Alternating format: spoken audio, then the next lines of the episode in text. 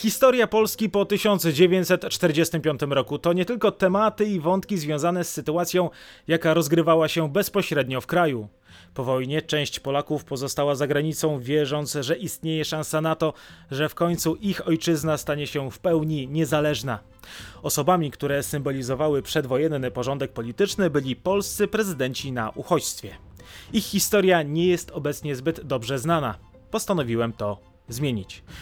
W tym odcinku serii po wojnie opowiem o losach dwójki z nich Władysława Raczkiewicza oraz Augusta Zaleskiego.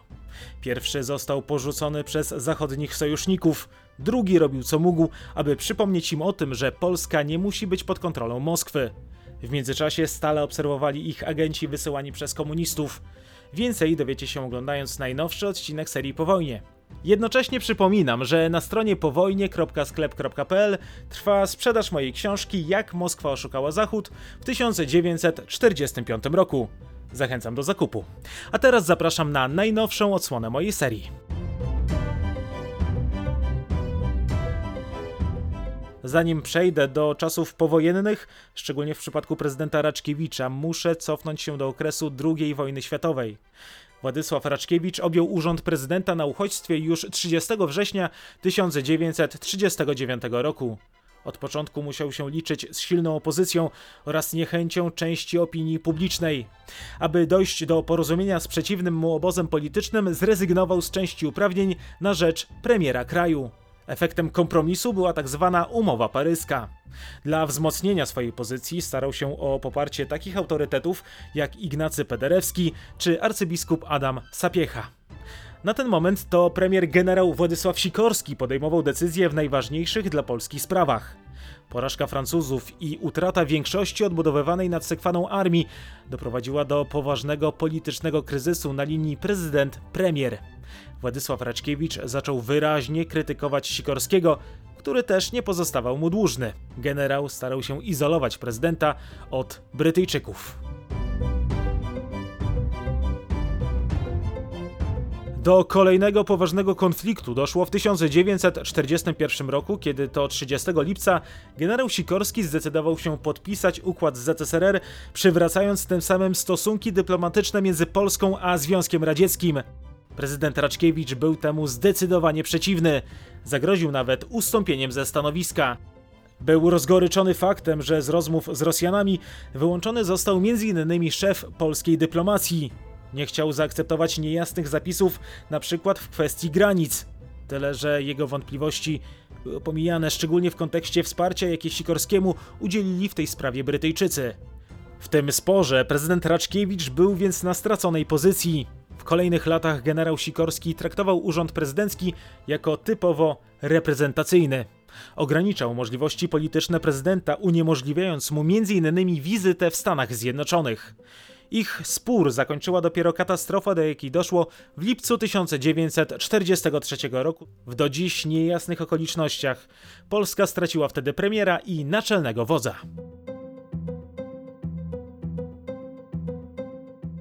Prezydent Raczkiewicz stracił największego politycznego konkurenta, ponownie stając się najważniejszym politykiem na emigracji. Jednak zamiast wykorzystać ten fakt i wzmocnić swoją władzę, wolał desygnować na stanowisko premiera lidera ludowców Stanisława Mikołajczyka, człowieka, który zdecydowanie nie był jego zwolennikiem. Prezydent wybrał asekuracyjne rozwiązanie, dostosowując się m.in. do woli Brytyjczyków. Chwilę wcześniej wypłynęła sprawa zbrodni katyńskiej, co doprowadziło do zerwania stosunków dyplomatycznych z ZSRR. Tymczasem w radzieckich mediach prezydenta Raczkiewicza nazywano kresowym magnatem, który przed wojną gnębił tzw. Tak lud białoruski. Ale w Londynie niespecjalnie się tym przejmowano. Doskonale zdawano sobie sprawę z propagandowego wymiaru podawanych informacji. Tym bardziej, że rodzina Raczkiewiczów utraciła majątek na kresach już po powstaniu styczniowym. Prezydent miał inne problemy. Mikołajczyk postępował wbrew jego woli, a on sam nie był o wszystkim informowany. Jednak od politycznej konfrontacji prezydent, szukając zgody, często przymykał na to oko, co było postrzegane jako objaw jego słabości. Z miesiąca na miesiąc jego pozycja była coraz słabsza. Duży wpływ miało na to m.in. nieudane powstanie warszawskie. Władze londyńskie straciły część zwolenników w kraju, a inicjatywę przejmowali komuniści kierowani przez Moskwę.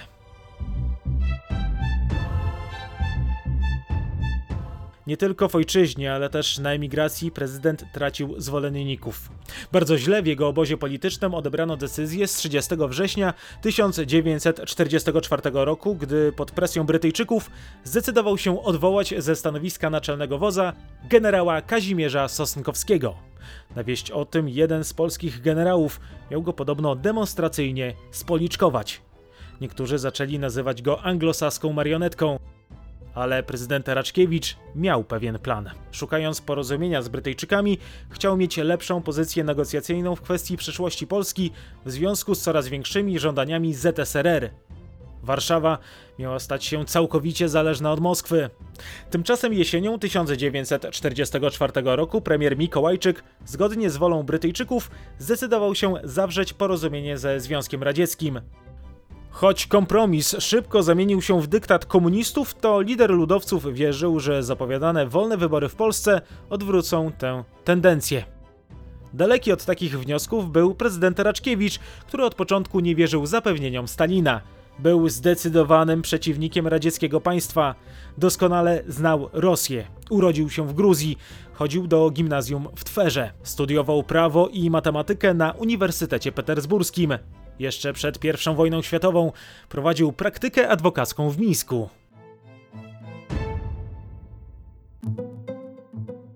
Relacje na linii prezydent-premier uległy poprawie dopiero gdy szefem rządu został w 1944 roku Tadeusz Arciszewski. Polacy na emigracji nie mówili jednak jednym głosem. Część osób stale popierała decyzję Stanisława Mikołajczyka. Natomiast dla Brytyjczyków sprawa polska stawała się coraz bardziej problematyczna. Częściej rozmawiali z Polakami szukającymi kompromisu ze stroną radziecką. Politycy, którzy się temu sprzeciwiali, zaczęli być ignorowani i spychani na dalszy plan. Z ich zdaniem Londyn oraz Waszyngton przestał się liczyć. Jednak dopiero po konferencji w Jałcie prezydent Władysław Raczkiewicz faktycznie poczuł się zdradzony przez sojuszników. Już dwa dni po konferencji, podczas obrad rządu na uchodźstwie, 13 lutego prezydent Raczkiewicz zaproponował, aby skupić odpowiedzialność za armię w rękach jednego dowódcy. Po upadku powstania warszawskiego naczelny wódz generał Bur Komorowski znajdował się w niewoli. Na tym samym posiedzeniu Rada Ministrów przyjęła deklarację odrzucającą uchwały jałtańskie. Już 20 lutego 1945 roku w Londynie pojawił się generał Władysław Anders. Jeszcze tego samego dnia spotkał się z prezydentem, aby omówić sytuację w kraju, a w kolejnym tygodniu przejął obowiązki naczelnego wodza. Prezydent Raczkiewicz wiedział, że nie może wrócić do ojczyzny kontrolowanej przez komunistów. Poświęcając się sprawom Polski, przypłacił to własnym zdrowiem. Był śmiertelnie chory. Jeszcze przed wybuchem wojny lekarze zdiagnozowali u niego białaczkę. Tempo wydarzeń było jednak tak szybkie, że nie był w stanie w pełni poświęcić się leczeniu. 28 czerwca 1945 roku w Moskwie powołany został tymczasowy rząd jedności narodowej z Edwardem Osóbką Morawskim jako premierem oraz Stanisławem Mikołajczykiem jako jednym z wicepremierów. Następnego dnia w orędziu do narodu Władysław Raczkiewicz przestrzegł przed nowo utworzonym ośrodkiem władzy w Polsce. Ojczyzna nasza niestety nie odzyskała jeszcze prawdziwej wolności. Nie zostało odwrócone niebezpieczeństwo od narodu i państwa polskiego. Prezydent zapowiedział, że w takich okolicznościach nie może złożyć swojego urzędu.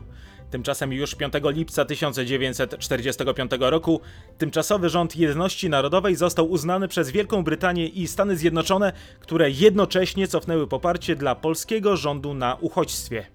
Te tragiczne dla kraju informacje zbiegły się z coraz gorszym stanem zdrowia prezydenta. Dopiero wtedy Władysław Raczkiewicz zaczął bardziej dbać o kondycję fizyczną. Częściej spacerował w londyńskich parkach. Jego głos coraz rzadziej pojawiał się w dyskursie politycznym na emigracji. Poważny nawrót choroby nastąpił w grudniu 1946 roku.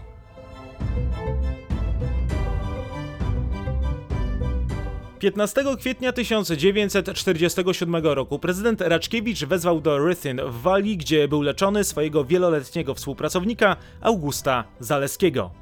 zakomunikował mu, że to on zostanie nowym prezydentem po jego śmierci. Raczkiewicz wierzył, że człowiek, który w przeszłości był dyplomatą, ministrem spraw zagranicznych, był oczytany, a także doskonale znał języki obce, będzie lepszym partnerem do rozmów dla strony brytyjskiej. Natomiast ówczesny premier, który liczył na to stanowisko, Tomasz Arciszewski, ani nie znał języków, ani nie był osobą tak rozpoznawalną na uchodźstwie jak Zaleski. Prezydent Raczkiewicz nie zdawał sobie sprawy, jak bardzo negatywnie jego decyzja będzie rezonowała na sytuację polityczną na emigracji przez kolejne ćwierć wieku. Choć była zgodna z konstytucją kwietniową, to Arciszewski był przekonany, że w ten sposób zostały naruszone wcześniejsze ustalenia tzw. Tak umowy paryskiej. Władysław Raczkiewicz zmarł 6 czerwca 1947 roku. Pochowany został na cmentarzu lotników polskich w Newark w Wielkiej Brytanii, gdzie spoczął obok generała Władysława Sikorskiego.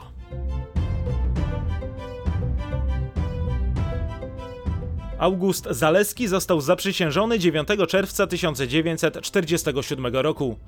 Równocześnie do dymisji podał się premier Arciszewski, zastąpił go generał Bur Komorowski. Choć August Zaleski był osobą najdłużej sprawującą funkcję prezydenta na uchodźstwie po 1945 roku, to jego prezydentura uważana jest za jedną z najbardziej kontrowersyjnych. Dlaczego? O tym za chwilę. Wcześniej jednak warto krótko powiedzieć, kim był August Zaleski wcześniej. Otóż urodził się 13 września 1883 roku w Warszawie. Jeden z jego przodków był posłem na Sejm za czasów Zygmunta III, inny posłem na Sejm Wielki. Studia prawnicze rozpoczął na Uniwersytecie Warszawskim. Naukę przerwał wybuch rewolucji w 1905 roku. Zaleski, który otrzymał na uczelni Wilczy Bilet, zmuszony był kontynuować studia za granicą, a dokładniej w Wielkiej Brytanii. W 1906 roku został przyjęty na studia historyczne na London School of Economics and Political Science. Do ojczyzny wrócił dopiero po sześciu latach. Został m.in. sekretarzem Towarzystwa Miłośników Historii. Po wybuchu wojny ponownie wyjechał do Londynu. Nawiązał relacje z brytyjskim Foreign Office. Po wojnie został m.in. przewodniczącym polskiej delegacji do prowadzenia rozmów z misjami ukraińskimi Atamana Petlury, które przybyły do Warszawy. W 1926 roku został ministrem spraw zagranicznych. Piastował tę funkcję w kolejnych 11 rządach. To jego zasługą było zawarcie paktu o nieagresji z Sowietami w 1932 roku. Po wybuchu wojny uciekł najpierw do Bukaresztu, a potem do Paryża. W nowym rządzie generała Sikorskiego został ministrem spraw zagranicznych. Panowie nie pałali do siebie sympatią. W wielu kwestiach mieli inne zdanie. Zaleski był m.in. przeciwny powołaniu komisji do spraw ustalenia odpowiedzialności za klęskę wrześniową. Zszokowała go informacja, że generał Sikorski planuje utworzyć polskie wojsko w Związku Radzieckim. Równie mocno zaniepokojony był tym faktem prezydent Raczkiewicz, dlatego udzielił premierowi dymisji i powierzył misję utworzenia nowego rządu Augustowi Zaleskiemu. Ostatecznie pod wpływem nacisków ze strony oficerów z otoczenia generała nic z tego nie wyszło. Generał Sikorski pozostał u steru rządów, a Zaleski stał się persona non grata. Współpraca załamała się po podpisaniu układu Sikorski-Majski. W proteście do tej decyzji Zaleski podał się do dymisji 25 lipca 1941 roku. Jako, że był w doskonałych relacjach z prezydentem Raczkiewiczem, został szefem jego kancelarii cywilnej. W 1947 roku spadło na niego kolejne wyzwanie. Został drugim prezydentem na uchodźstwie.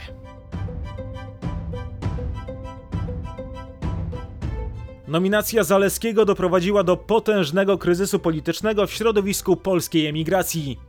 Były premier Tadeusz Arciszewski zawiązał antyprezydencką koalicję, w skład której weszli socjaliści, ludowcy Mikołajczyka oraz przedstawiciele Stronnictwa Narodowego.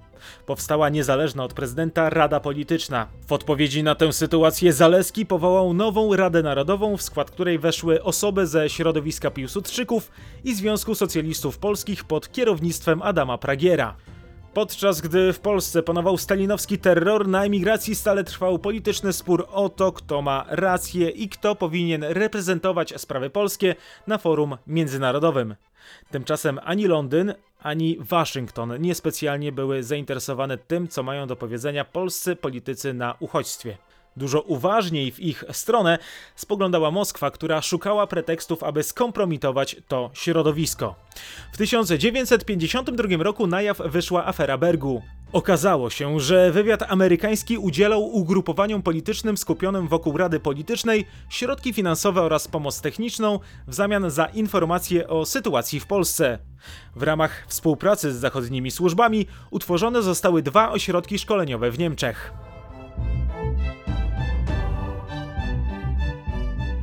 23 grudnia 1952 roku do konsulatu PRL w Berlinie Wschodnim zgłosili się pracownicy tajnego ośrodka szkoleniowego w Bergu Jan Ostaszewski, wel Paweł Homa oraz Wanda Macińska, wel Wanda Weber. Oboje byli agentami bezpieki. To oni przekazali informacje o finansowaniu przez zachodnie służby polskich organizacji emigracyjnych. Poza tym podali dane wysyłanych do kraju kurierów. Wkrótce rozpoczęły się aresztowania. Łącznie do więziennych cel trafiło ponad 200 osób. 15 z nich zostało skazanych na karę śmierci. 55 otrzymało długoletnie wyroki więzienia. Zaleski oskarżał polityków Rady o działalność agenturalną. Premier emigracyjnego rządu Stanisław Mackiewicz nazywał ich handlarzami śmiercią.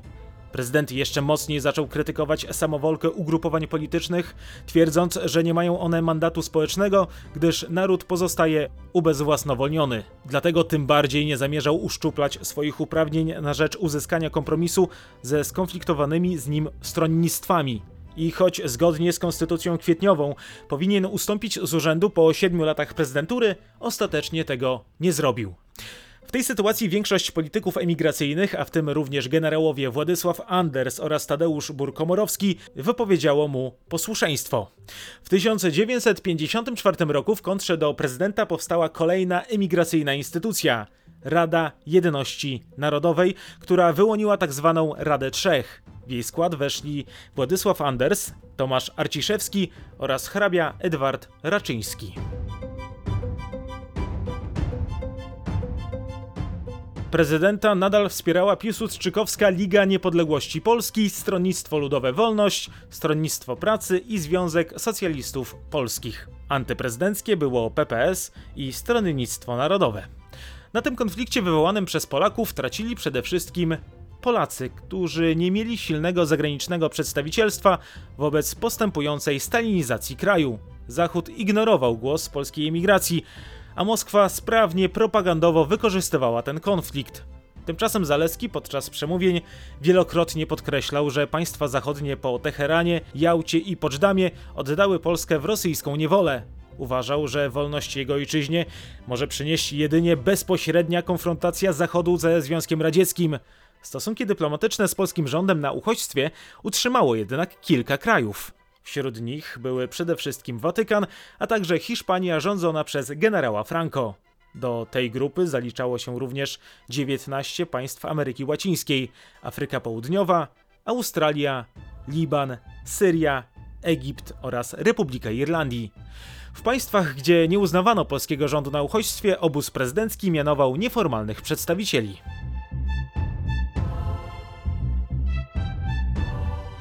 Polityczna emigracja była silnie inwigilowana przez bezpiekę. Szczególnie głośnym echem odbiła się sprawa Hugona Hankego, którego Zaleski mianował na urząd premiera. Jak się później okazało, był on w tym czasie agentem bezpieki działającym pod pseudonimem Ważny.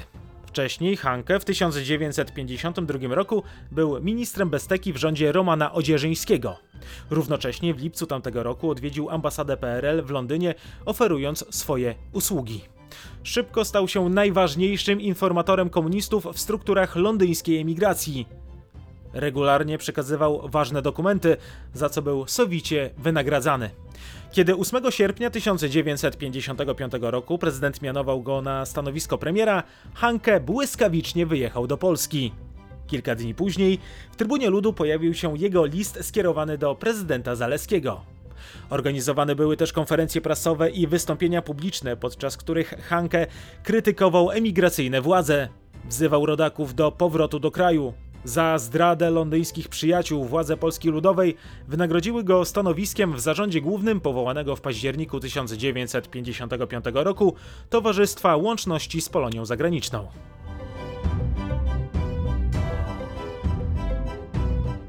Nie była to jedyna taka sytuacja. Następca Hankego, Stanisław Mackiewicz, 14 czerwca 1956 roku również wrócił do kraju.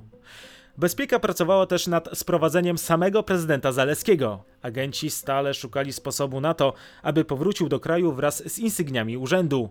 Bezpieka planowała zaoferować mu wysoką emeryturę w kraju. Operacji nadano kryptonim Arbus. Przekaźnikiem między Bezpieką a prezydentem miała być jego ciotka. Ostatecznie jednak akcja zakończyła się fiaskiem. Prezydent nie zamierzał wracać do rządzonej przez komunistów Polski. Aby świat nie zapomniał o jego ojczyźnie, w 1960 roku Zaleski zaapelował do Polaków w Stanach Zjednoczonych, aby na emigracji propagowali ideę niepodległej Polski. Prezydent wierzył, że w ten sposób wpłynie na politykę Białego Domu.